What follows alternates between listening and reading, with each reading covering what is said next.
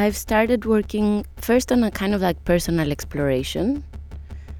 about uh, growing up in Cuernavaca. And with an interest that I realized I needed to explore a desire to understand a childhood experience that was growing up in a community organized uh, living that my parents created with other families and where I grew up until I was seven in Cuernavaca.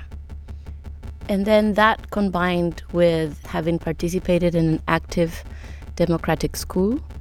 when I was an adult and, and thinking about artist collectives and forms of self organization and self education experiences, I, I ended up realizing that that childhood experience had marked, in a way, my own insistence in looking for peers and more community framed or shared spaces to learn together that's how I started first tracing an experience that I thought I knew, and then I realized that what I remembered from it was more of a childhood memory than really like an adult or an or more informed reflection of what that had been.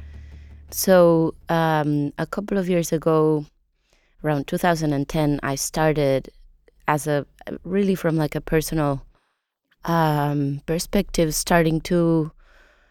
go back to Cuernavaca and to try to understand how that experience of living together was created and, and what were the stakes and what were the also the very pragmatic forms in which it occurred, how decision making happened, how the economy was shared, but also to understand the nuances of power relationships within the community and um, thinking about gender and other forms. And so that's how it started, really. And what I did was I went back to Cuernavaca. I started visiting the places where it had happened, trying to put together fragments of like documentation, but also just books to understand what the library was, what they were reading. And I ended up meeting one on one with the six adults that created that community, my parents included. And I had one on one conversations with them, and I wanted to understand what was the learning that they had from that experience in a to kind of like find an in between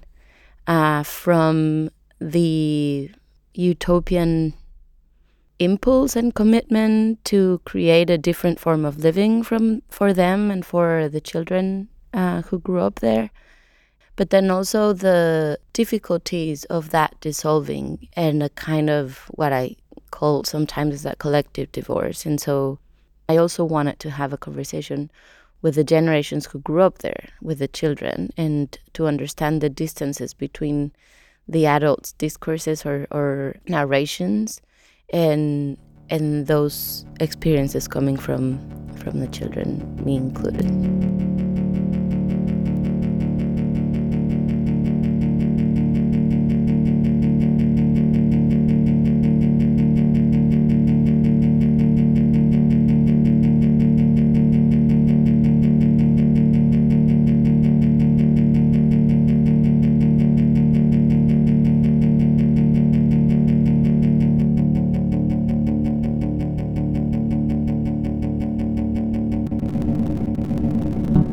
Cuernavaca is a small city with a temperate climate and exceptional natural beauty, around 80 kilometers south of Mexico City. From the 1950s to the 1980s, it attracted several generations of intellectuals and activists, becoming a testing ground for social initiatives that explored new ways of living and learning. In 1967, with the support of Bishop Sergio Mendez Arceo, Ivan Illich and Valentina Borremans founded the Centro Intercultural de Documentación, CIDOC, an archive and hub for documenting and promoting social change in Latin America. A little earlier, the Benedictine monk Gregorio Lemercier, encouraged by Erich Fromm, had started a process of group psychoanalysis at the Santa Maria de la Resurrección monastery, which led to the founding of Emmaus Psychoanalytic Center in 1956. And in 1969, the journalist Betsie Hollants left CIDOC and set up the CIDAL to study the situation of women in Latin America.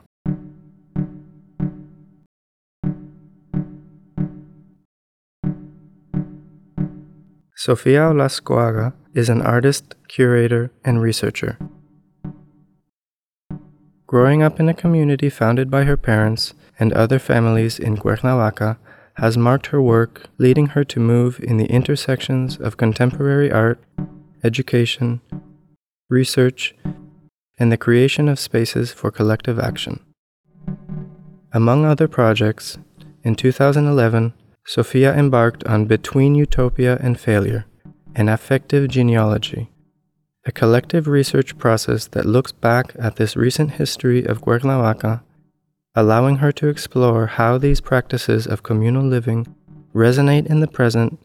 and also to understand the experience of her own childhood.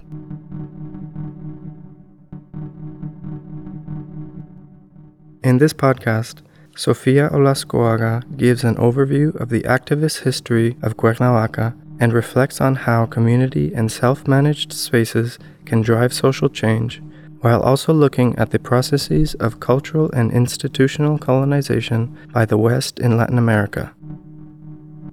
Olascoaga also brings to light the historical silencing of the voices of women and indigenous communities under these kinds of processes.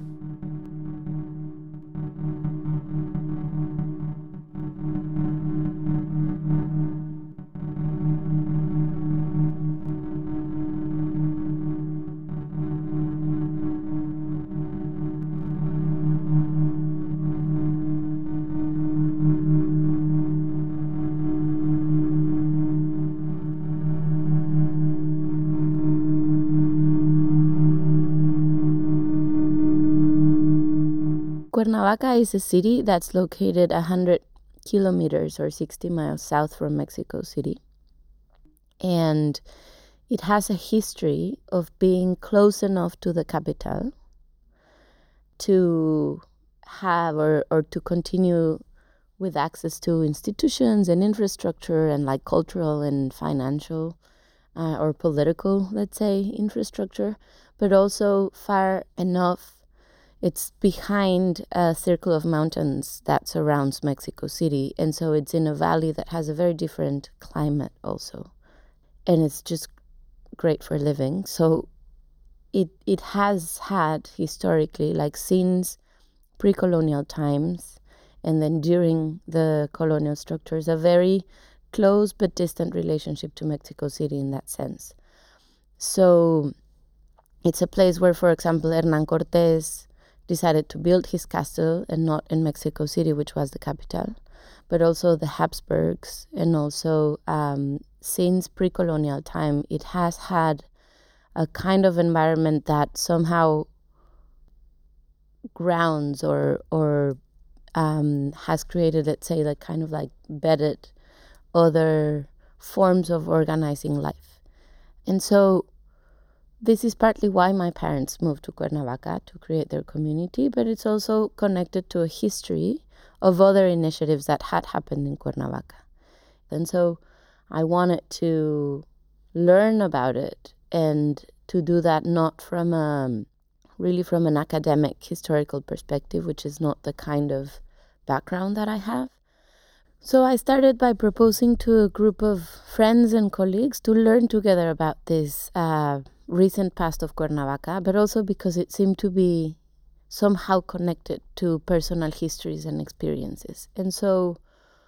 what we did is that we we started um, locating certain figures, and Ivan Illich is a pretty visible and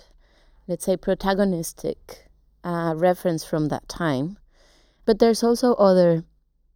initiatives that were happening there that kind of like created a moment of Cuernavaca, let's say, that spread across two or three decades, and where different things were happening that started opening up spaces where people were interested in coming and discussing. And one of them is actually linked to the fact that the Bishop of Cuernavaca was one of the, let's say, one of the founders and promoters of the liberation theology movement in Mexico and so Cuernavaca was a kind of engine for that and for uh, what developed as a kind of practice around self organized community or the community based movement guided by the liberation theology. And he arrived there in the early 50s. And so a number of changes started happening and and there is something that had to do with later the second vatican council and the latin american response to that that included changing the mass for example not in latin but in the local language but also creating uh, different elements into those let's say gathering rites that had to do with more of a popular culture and language and less with a with a kind of like Western centered um, traditional practices. And so these included changing the music from Gregorian chants to mariachi or pre-Hispanic um, musical instruments in the masses, but more more importantly, to be a space in which the discussion around daily life and rights included workers' rights and uh, land rights and indigenous communities' rights into uh, a reflection around what the community meant and what the, let's say, the emancipatory transformation was with thinking about that space as a yeah as a learning space and as an encountering space so this was very important in cuernavaca at the time and it's sort of like Don Sergio Méndez Arceo, who was the Bishop of Cuernavaca, was one of the figures that really like welcomed and, and invited Illich to be there. But Ivan Illich had been has had his own trajectory. No? So Ivan Illich, who was born in Vienna, had different let's say, backgrounds in his trajectory. And um, he had been a crystallographer in Florence, and he'd also had was formed as a historian in Salzburg. And he'd ended up completing uh, a formation at the Vatican, so he earned a, a, the title of a Monsignor. And he was in an attempt not to follow the Catholic Church protocol of officer. Um, he held that title and, and emigrated to the United States, specifically to the northern, northern part of Manhattan in New York, where at the time, this is again in 51, at the time there were um, there was a very active arrival of Puerto Rican immigrants coming to live to New York. And he encountered the Puerto Rican community there and started needing to understand and learn a different language to kind of like articulate or understand what that encounter with otherness had meant. So he arrived to the northern part of Manhattan in 1951 uh, and joined a local church in Washington Heights and was there for five years. And after that, he spent five years in Puerto Rico as a vice rector of the Catholic University in Ponce. And although there was a very uh, interesting political debate for which he was um, fired from the Catholic University, and this is because he did not agree to support the Catholic Party in the island because they were trying to ban the use of contraceptive methods and pills in particular, which is something that Illich openly opposed and debated. And then he was asked to resign from his academic position there. But there's a very important experience in which he uh, engaged in several conversations with Everett Reimer and Leopold Kohr and other academics that were at the time participating particularly with Everett Reimer, in planning the education um, scheme or the, the national education plan for Puerto Rico. And in these discussions, the first thing they approached was whether thinking about education meant an obligatory relationship to schools. Like whether planning um, an, a structure for education in the context of Puerto Rico actually meant that schools were where education happened and questioning whether um, the decision of curricular plans and of forms of behavior and the kind of, let's say, uh, what he called later a monopoly of education um, centered in schools was actually what was allowing people to learn in life.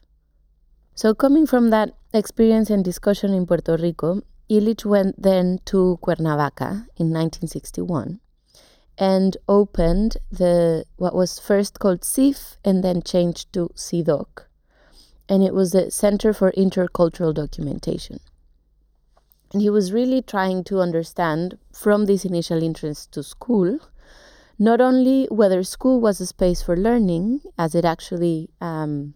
justified its existence, and also what were um, the other institutions that were coming from a Western context and through the history of colonization and through the particular um, implication of the Catholic Church in this cultural colonization. Uh, what were the these Western institutions actually uh, proposing and creating in the context of Latin American societies, and whether schools were actually providing education, whether hospitals and medical institutions were actually ensuring health, and whether the different infrastructures of progress, such as urbanization and highways, were actually providing faster and better movement and transportation for the different communities and societies, but also and more importantly, how they were clashing and also displacing or completely erasing forms of organization that came from pre colonial community experiences and that had, from his point of view,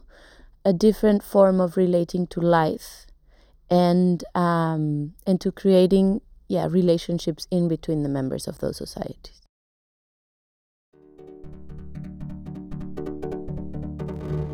So CIDOC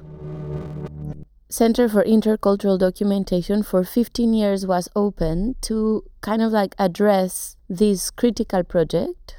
through the form of an open space for discussions and seminars, through creating an archive for consultation, and through promoting, let's say, a space for encounter, not only with people that had um, critical inquiries and proposals to discuss, but also people who were coming to learn and were um, practicing within this context. And they created an archive that became important in the sense of documenting in through different trips and really just accessing whatever was available in a different mainly religious archives throughout the continent uh, a kind of history of the Latin American church, but also a, a history or a documentation of social change. So this is where intercultural comes from in the name of, of CIDOC. But it, it also became a space where more and more um, different activists and uh, whether were, they were members of religious movements like progressive religious movements related to the liberation theology or other forms of activism were coming to discuss. And the first series of seminars throughout seven years were focused in alternatives in education. And they were discussing specifically um, the situation of the school and this critique coming from Illich, but also other approaches um, such as the pedagogy of the oppressed, for example, that at the time Freire was frequently visiting and taking part in these discussions, uh, but also Maxine Greene and Joseph Fitzpatrick and John Holt and other people that were articulating proposals and debates from the homeschooling movement to other uh, alternatives and there is a there is an interesting separation to make because some of these people were coming from pedagogy and they were having a practice in education whereas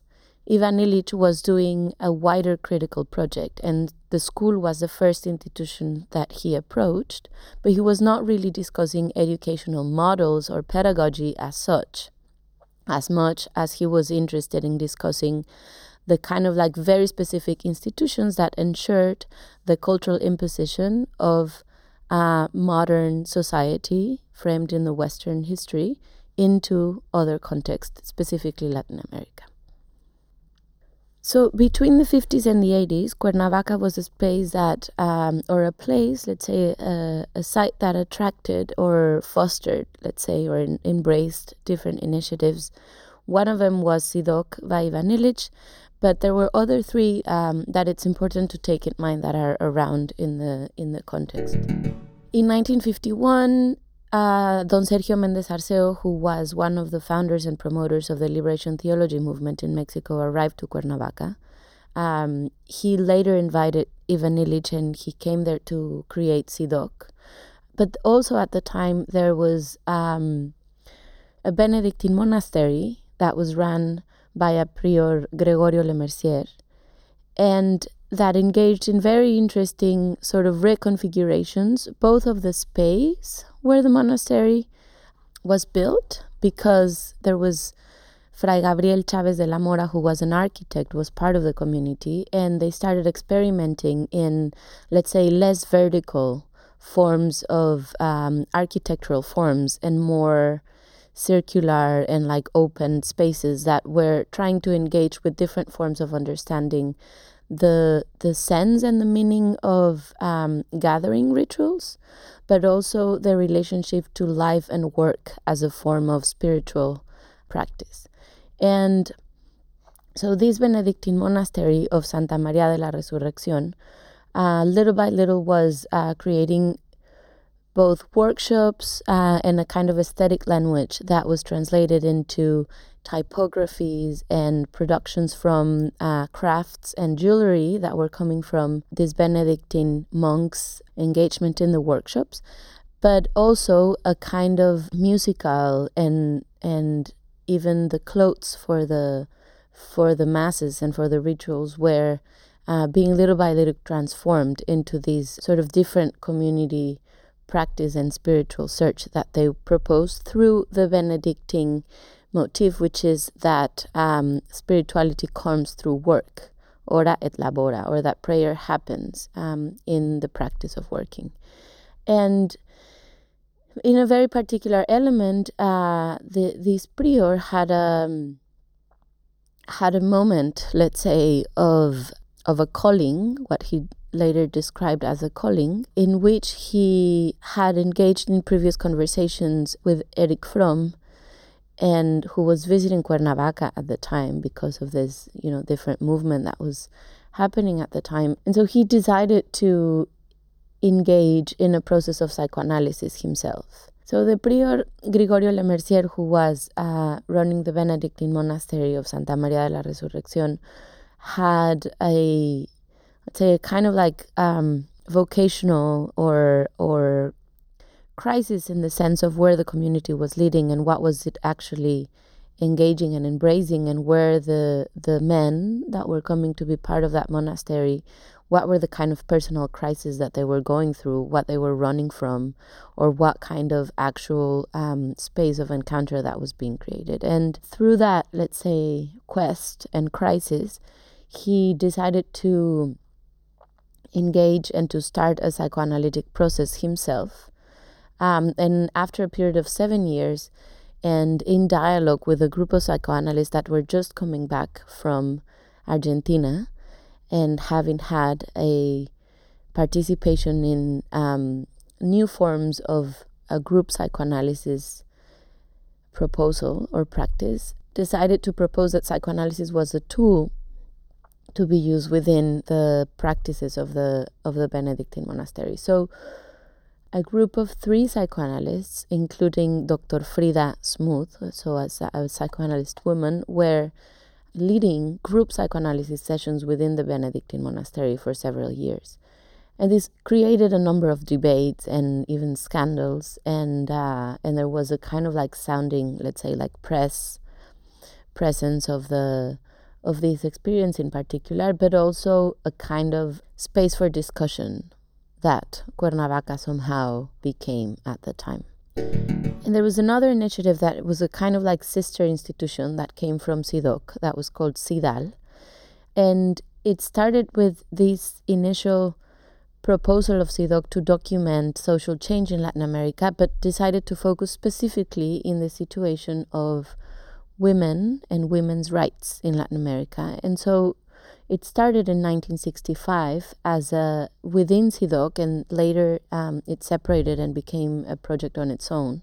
And it was founded by Betsie Hollants, who was a Belgian um, journalist. And little by little, it created a space that one could say was a kind of early uh, feminist studies center, and that allowed for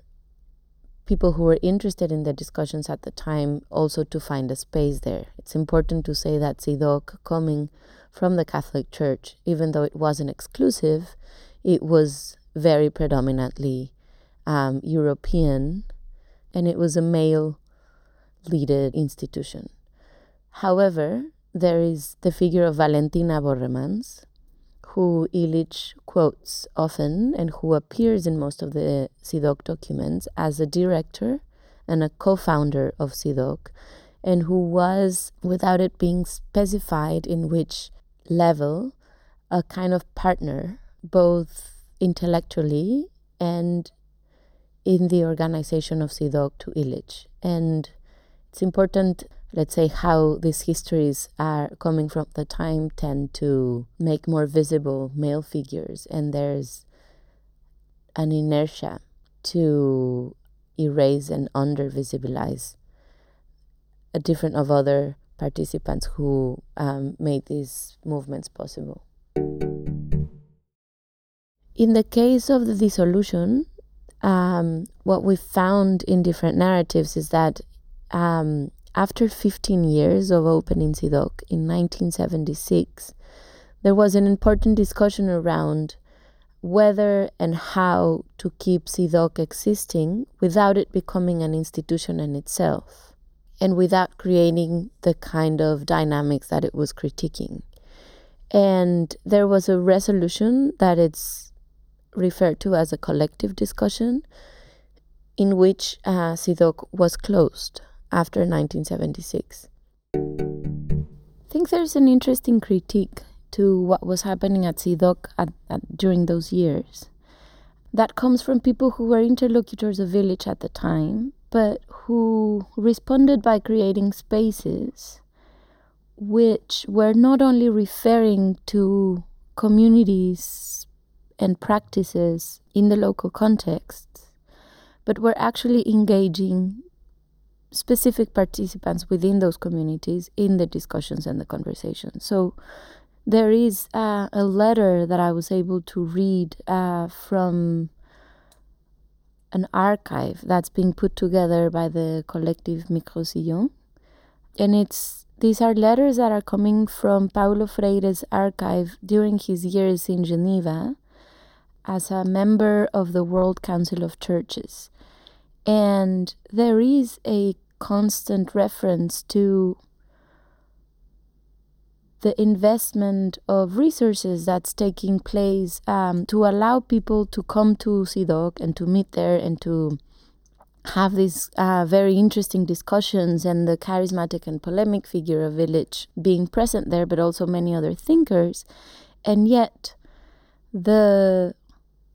difficulties of these discussions involving and including local agents and active uh, members of the local societies. That is, that as long as much as the discussions were committed to a highly critical project at the time, they were also taking place mainly amongst men, European and North American men, addressing the social and political conditions of Latin American societies, with many Latin American actors participating in those discussions, but in many cases, people who were already educated and who had an access to um, those spaces of privilege for thinking and discussing.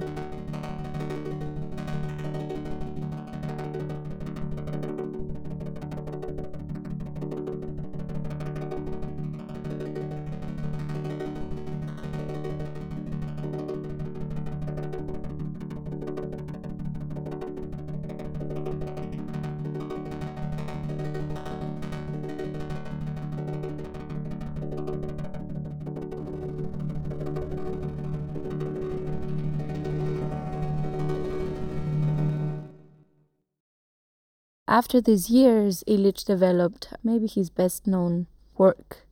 or the one that got more visibility and attention, that's called Deschooling Society. And in this first critical project, he's really engaging in trying to question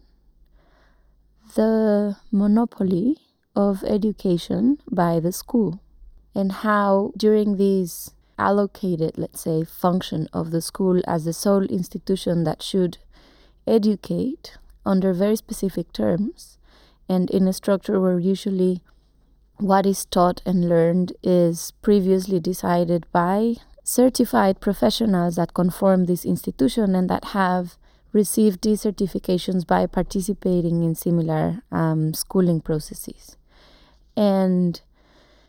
there are several things that he questions, more specifically, the fact that education through school is thought of as obligatory, the fact that it requires um, spending a lot of time in closed and controlled physical spaces, that the regulation of what happens within those spaces is created through specific power relationships in which teachers and also other positions of control are regulating both what happens during the time that's there, like what's the plan of activities, but also the function for those activities uh, which is usually justified by educating, right? And this function of educating is, from Illich's critique, not necessarily responding to the desire to learn from pupils or students and from the freedom to choose what and how to learn it, but more following a plan um, that's previously established, and that also requires a series of rituals of certification, of evaluation, of examination. And the effect of these certification processes is also uh, creating a hierarchical address to both the participants' skills and also to the type of knowledges that are considered valid and legitimate within that plan and the clear displacement of all of those ways of knowing and doing that are not part of the plan, right? And this also creates, of course, hierarchies and divisions within a group in itself. And this is where, like through school, is where we um, interiorize a relationship of dependency to these certificate certified professionals and and um, yeah, legitimated representatives of the institution and of the education that will after the period of being in school will repeat itself in other areas of productive life.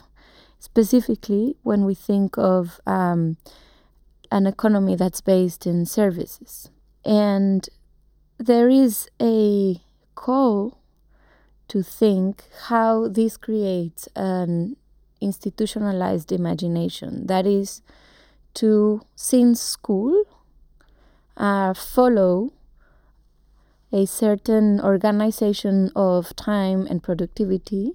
through the mediation of um, institutions. And this happens not only in the academic field, but then later at work, at the way that medicine and other health practices are provided, and then also in the way we organize our transit through spaces in cities, for example, right? And um, what underlies here is thinking how this interiorized relationship of dependency to institutions is actually guaranteeing that there will be uh, perpetual consumers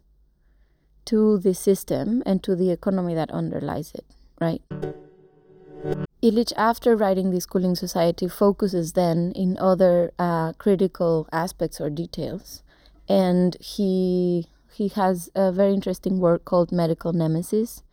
critiquing the way that medicine as an institution and also the economy around it, uh, assured by insurance companies and the pharmaceutical industry, are actually ensuring a type of administration of a service oriented to health that it's administering a treatment rather than sharing the knowledge so that patients and people who have specific illnesses can uh, learn to deal with them on their own basis, either from a preventive point of view or also from a treatment or from a, let's say, living with illnesses point of view. And there is a third aspect which he focuses on later, which has to do with transport. And this is basically the kind of promise of um, acceleration and speed as one of the more celebrated, let's say, achievements and promises of modernity through progress, right? So it's uh, moving faster and having better machines to to have better transport. And there is a focus or an emphasis on how the fact that this decision orients all resources in creating highways and the infrastructure for these machines of speed to move around creates at a certain point its exact opposite effect, which is creating an obstacle for the actual possibility of moving around, which is what we're living through in larger cities right now. So Illich is calling to look from a very critical point of view to the monopoly of institutions of specific needs that people in a specific society should have the freedom to address in their own terms. The critical aspect here is that it, this way of organizing actually cancels or inhibits the possibility of creating and solving these aspects from a perspective of autonomy or self organization, right? But also that the consequences of this form of organizing is not only visible in terms of damaging the natural resources and climate in general, but more specifically that this comes from the production of a specific culture. So Illich says that over time, and after a certain limit or past a certain limit, the damage that institutionalized imagination creates on culture the damage that institutionalized imagination imposes to culture is actually more problematic and severe than the consequences of industrial production to nature and to climate uh, conditions.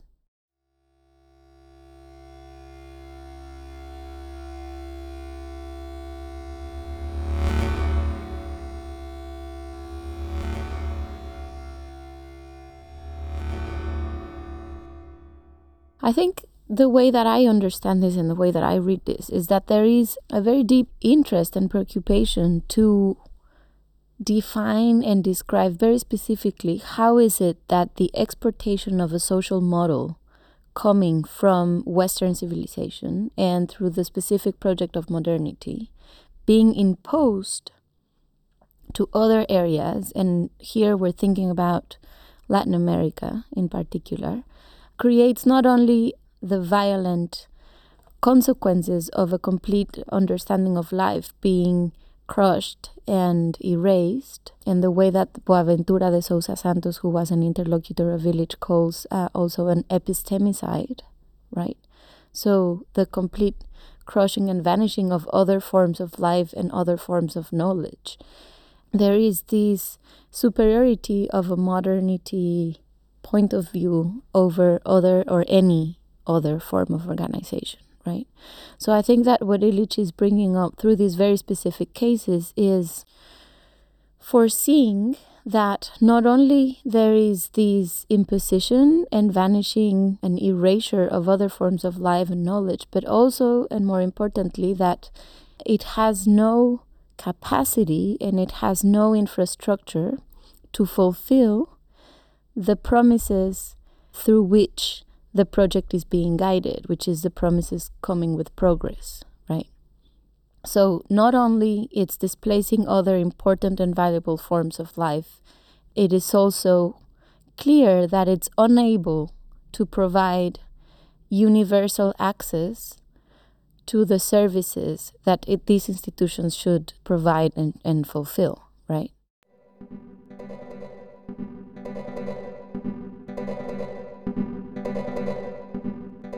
So, in the period of time after CIDOC closed in 1976, um, Illich moved to the to a rural area at the time called Ocotepec, which is really just neighboring Cuernavaca. It's it's right there.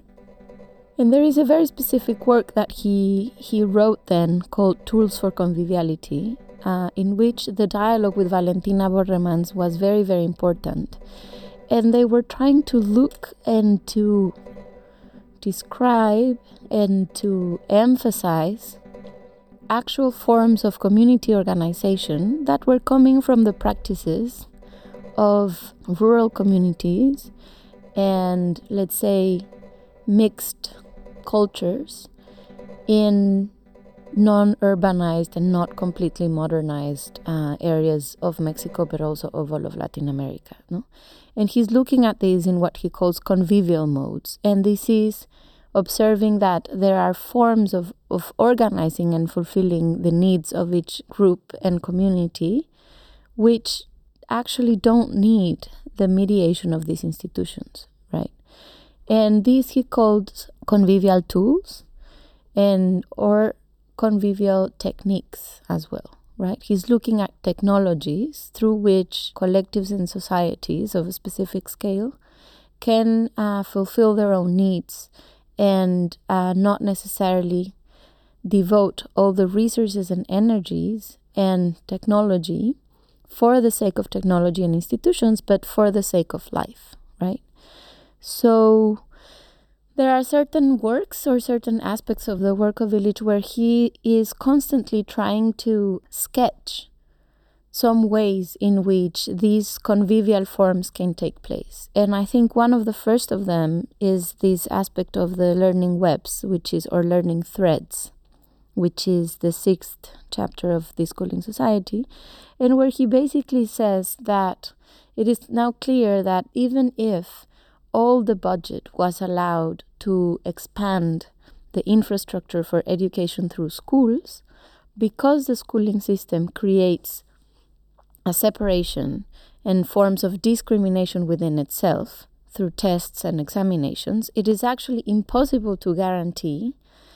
that even having all the resources possible, universal education could be one day accomplished. So he basically says if we start from the point that we understand this is actually not going to be possible and also it's contradictory, we might as well start thinking about other forms in which learning can happen without uh, following or reproducing the form of education through school, but actually trying to reconfigure the elements of authority, of certifications, and of these like perpetuation of um, specialized knowledge in the way that it actually takes away the capacity of people to learn from themselves, uh, choosing what and how to learn. And he basically emphasizes three rights, which are the rights to, or the right to free assembly, the right to um, free press, and the right to free speech. And he thinks of spaces which can take place in public spaces in cities, also in libraries, he talks about public spaces, but also unused buildings, for example, and spaces that are supposed to provide services that aren't really used that much, that could hold access to four elements, he says. Uh, the first of them is uh, educational objects, and this is books, but also instruments, machines, uh, musical instruments, laboratory equipment, different kinds of tools uh, that can trigger or respond or be available for anyone who wants to learn how to use them. The second element is peers of learning, or people who could share the same desire to learn together. And he thinks that these spaces could provide a kind of like finding peer service. And then also a directory or the access to people who might know something that can be shared. And he emphasizes how these people who might know should be not only um, specialists, but more specifically people who have knowledges in areas of life and practices that are not necessarily validated through academic education, right? And finally, models, he says, or other ways that can help skill exchange take place, but also uh, models or references that can guide uh, a specific project of learning, let's say, of autonomous learning more specifically.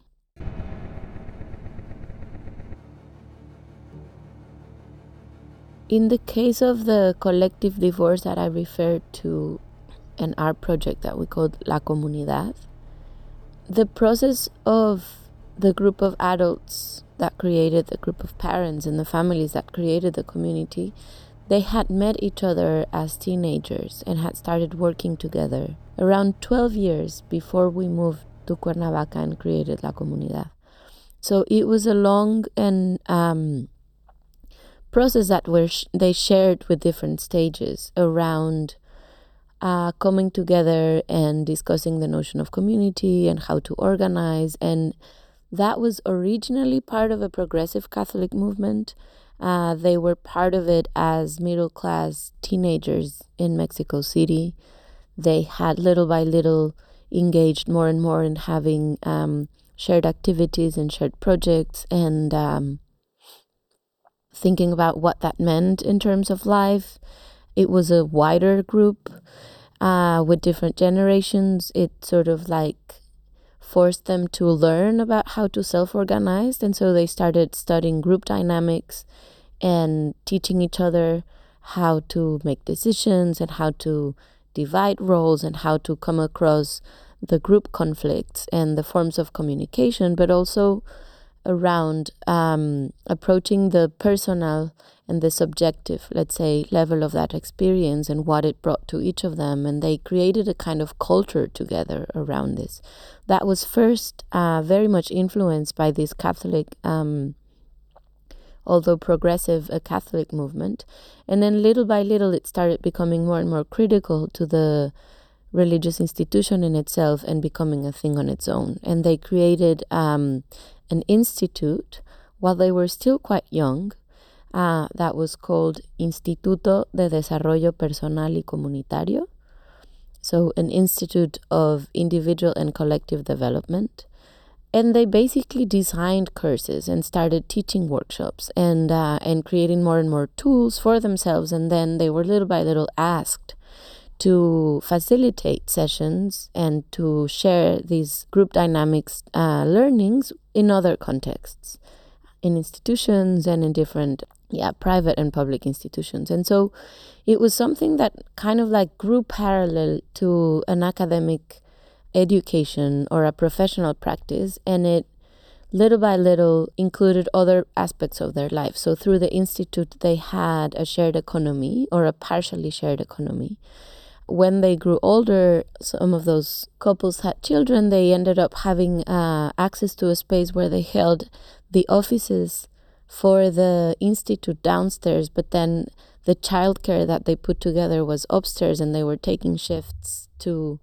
to really be a kind of like a support project together. Um, and so that's when the question of creating that as a more integral project came and were the proposals to move together and to create a more yeah like an integral life form of life project was created. And at the time where they actually found the place to move to which was in Cuernavaca and part of the idea was to leave the city and to leave Mexico City and, and to go to a different kind of environment. Out of more or less 17 families 14 decided that it was probably too radical and that maybe um, they wanted to wait a little bit more. But three didn't, and they were the ones that actually moved to Cuernavaca. Uh, I was uh, one year old at the time. Then my sister was born there. Uh, I have a younger sister, and and it meant coming from a space where there was a shared project, but still uh, young couples or families were kind of like keeping on their, their lives individually to be a fully shared economy, like a hundred percent collective economy, and a hundred percent consensus based decision making system. They organized the space in a house they had access to in Cuernavaca, where each nuclear family had a kind of like private space, but kitchen, living room, dining that was collectively used. And we sat down to eat for dinner. Uh, at least one meal we all ate together. And they were little by little um, incorporating, not really little by little. I think I think a lot of other aspects of life were suddenly in a hundred percent shared um, structure that they were trying to learn from and also do at the you know by just learn by doing. And so it was really interesting how they decided also for example to take care of the children. Some of them were older than me and they were already in school. And then little by little we went to school. Then there were youngers who were born there. And for example among the six adults they decided to that one adult would be responsible for the children one afternoon a week. So from seven days a week, if you were an adult there, you you were in charge of the kids for one afternoon, and then you had five others where a kind of like support that you trusted was, um, you know, taking care of your children, and you could develop the kind of projects that you were doing within the institute or elsewhere. And so, I don't know, there were very practical things that when I learned about seemed quite interesting and exciting also. It was really nice to be surrounded by a kind of um, just different adults around that weren't only a kind of like couple, mother and father structure. And there was a lot of intimacy that was being experienced for over these years. So the dissolution in that particular case came after seven years of living this way. There were different projects that they were working in together through the Institute, and one of them was very early they started building this space called Tapalewi, which means ayuda mutua or mutual help in Nahuatl, and which was a kind of a more rural uh, environment where we self built with Adobe and other things, a little by little, an infrastructure to meet with other groups and to host uh, some of the courses and workshops that they were doing, but also with the idea that it could become over time a kind of like meeting place for community, a community of communities. That's how they sort of talked about it. And this was all happening at the same time, and they were discussing whether we should go to school or, or we should do homeschooling and I think at a certain point, uh, the all this intimacy experience together tested their own cultural backgrounds and limits to a moment where they weren't able to reconfigure it anymore. And so the dissolution came from there, right? And it's, I think, as in many other forms of collective experience, the relationships with gender, with um, power dynamics, with money, with intimacy, with um, yeah, do open up possibilities, but also confront very, very deep structures. So I think when I think about it now, uh, I think that they got really, really far into committing and breaking many of the sort of like predisposed and expected forms of nuclear family coming from this middle class Catholic background, and and it kind of like created a moment on its own where things could be different, but it was also hard, and it was also and it the the reason why I thought about dialoguing from the perspective of disenchantment, it was important to not fall into the discourse of a failure but to understand what was in between that kind of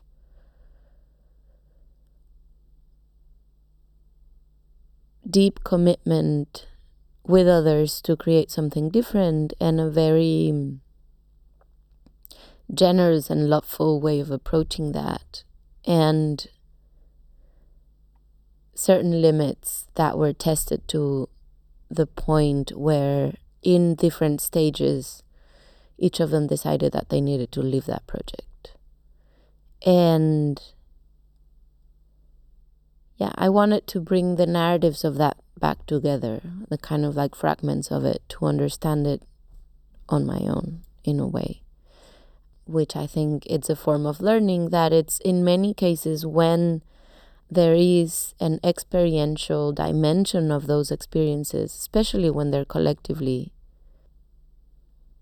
created, that very often are not present in how we learn about these histories. And I thought it was important that we had a space and created a, a kind of like also a lawful space to come together to talk about it and and to learn from it by listening and by thinking that it was both a creative and, and deeply committed moment and also a very harsh situation to relate to afterwards. No? And then yeah, there's a lot of learning that happens there that I think we have the risk to lose from generation to generation because there's less and less spaces to hear about these from a personal perspective and not from a historical writing, which helps to understand, but there's, I think, an aspect that it's left outside, that it's important to do or to, to try to look for and to listen to while we're still alive or while the people who lived it are still alive.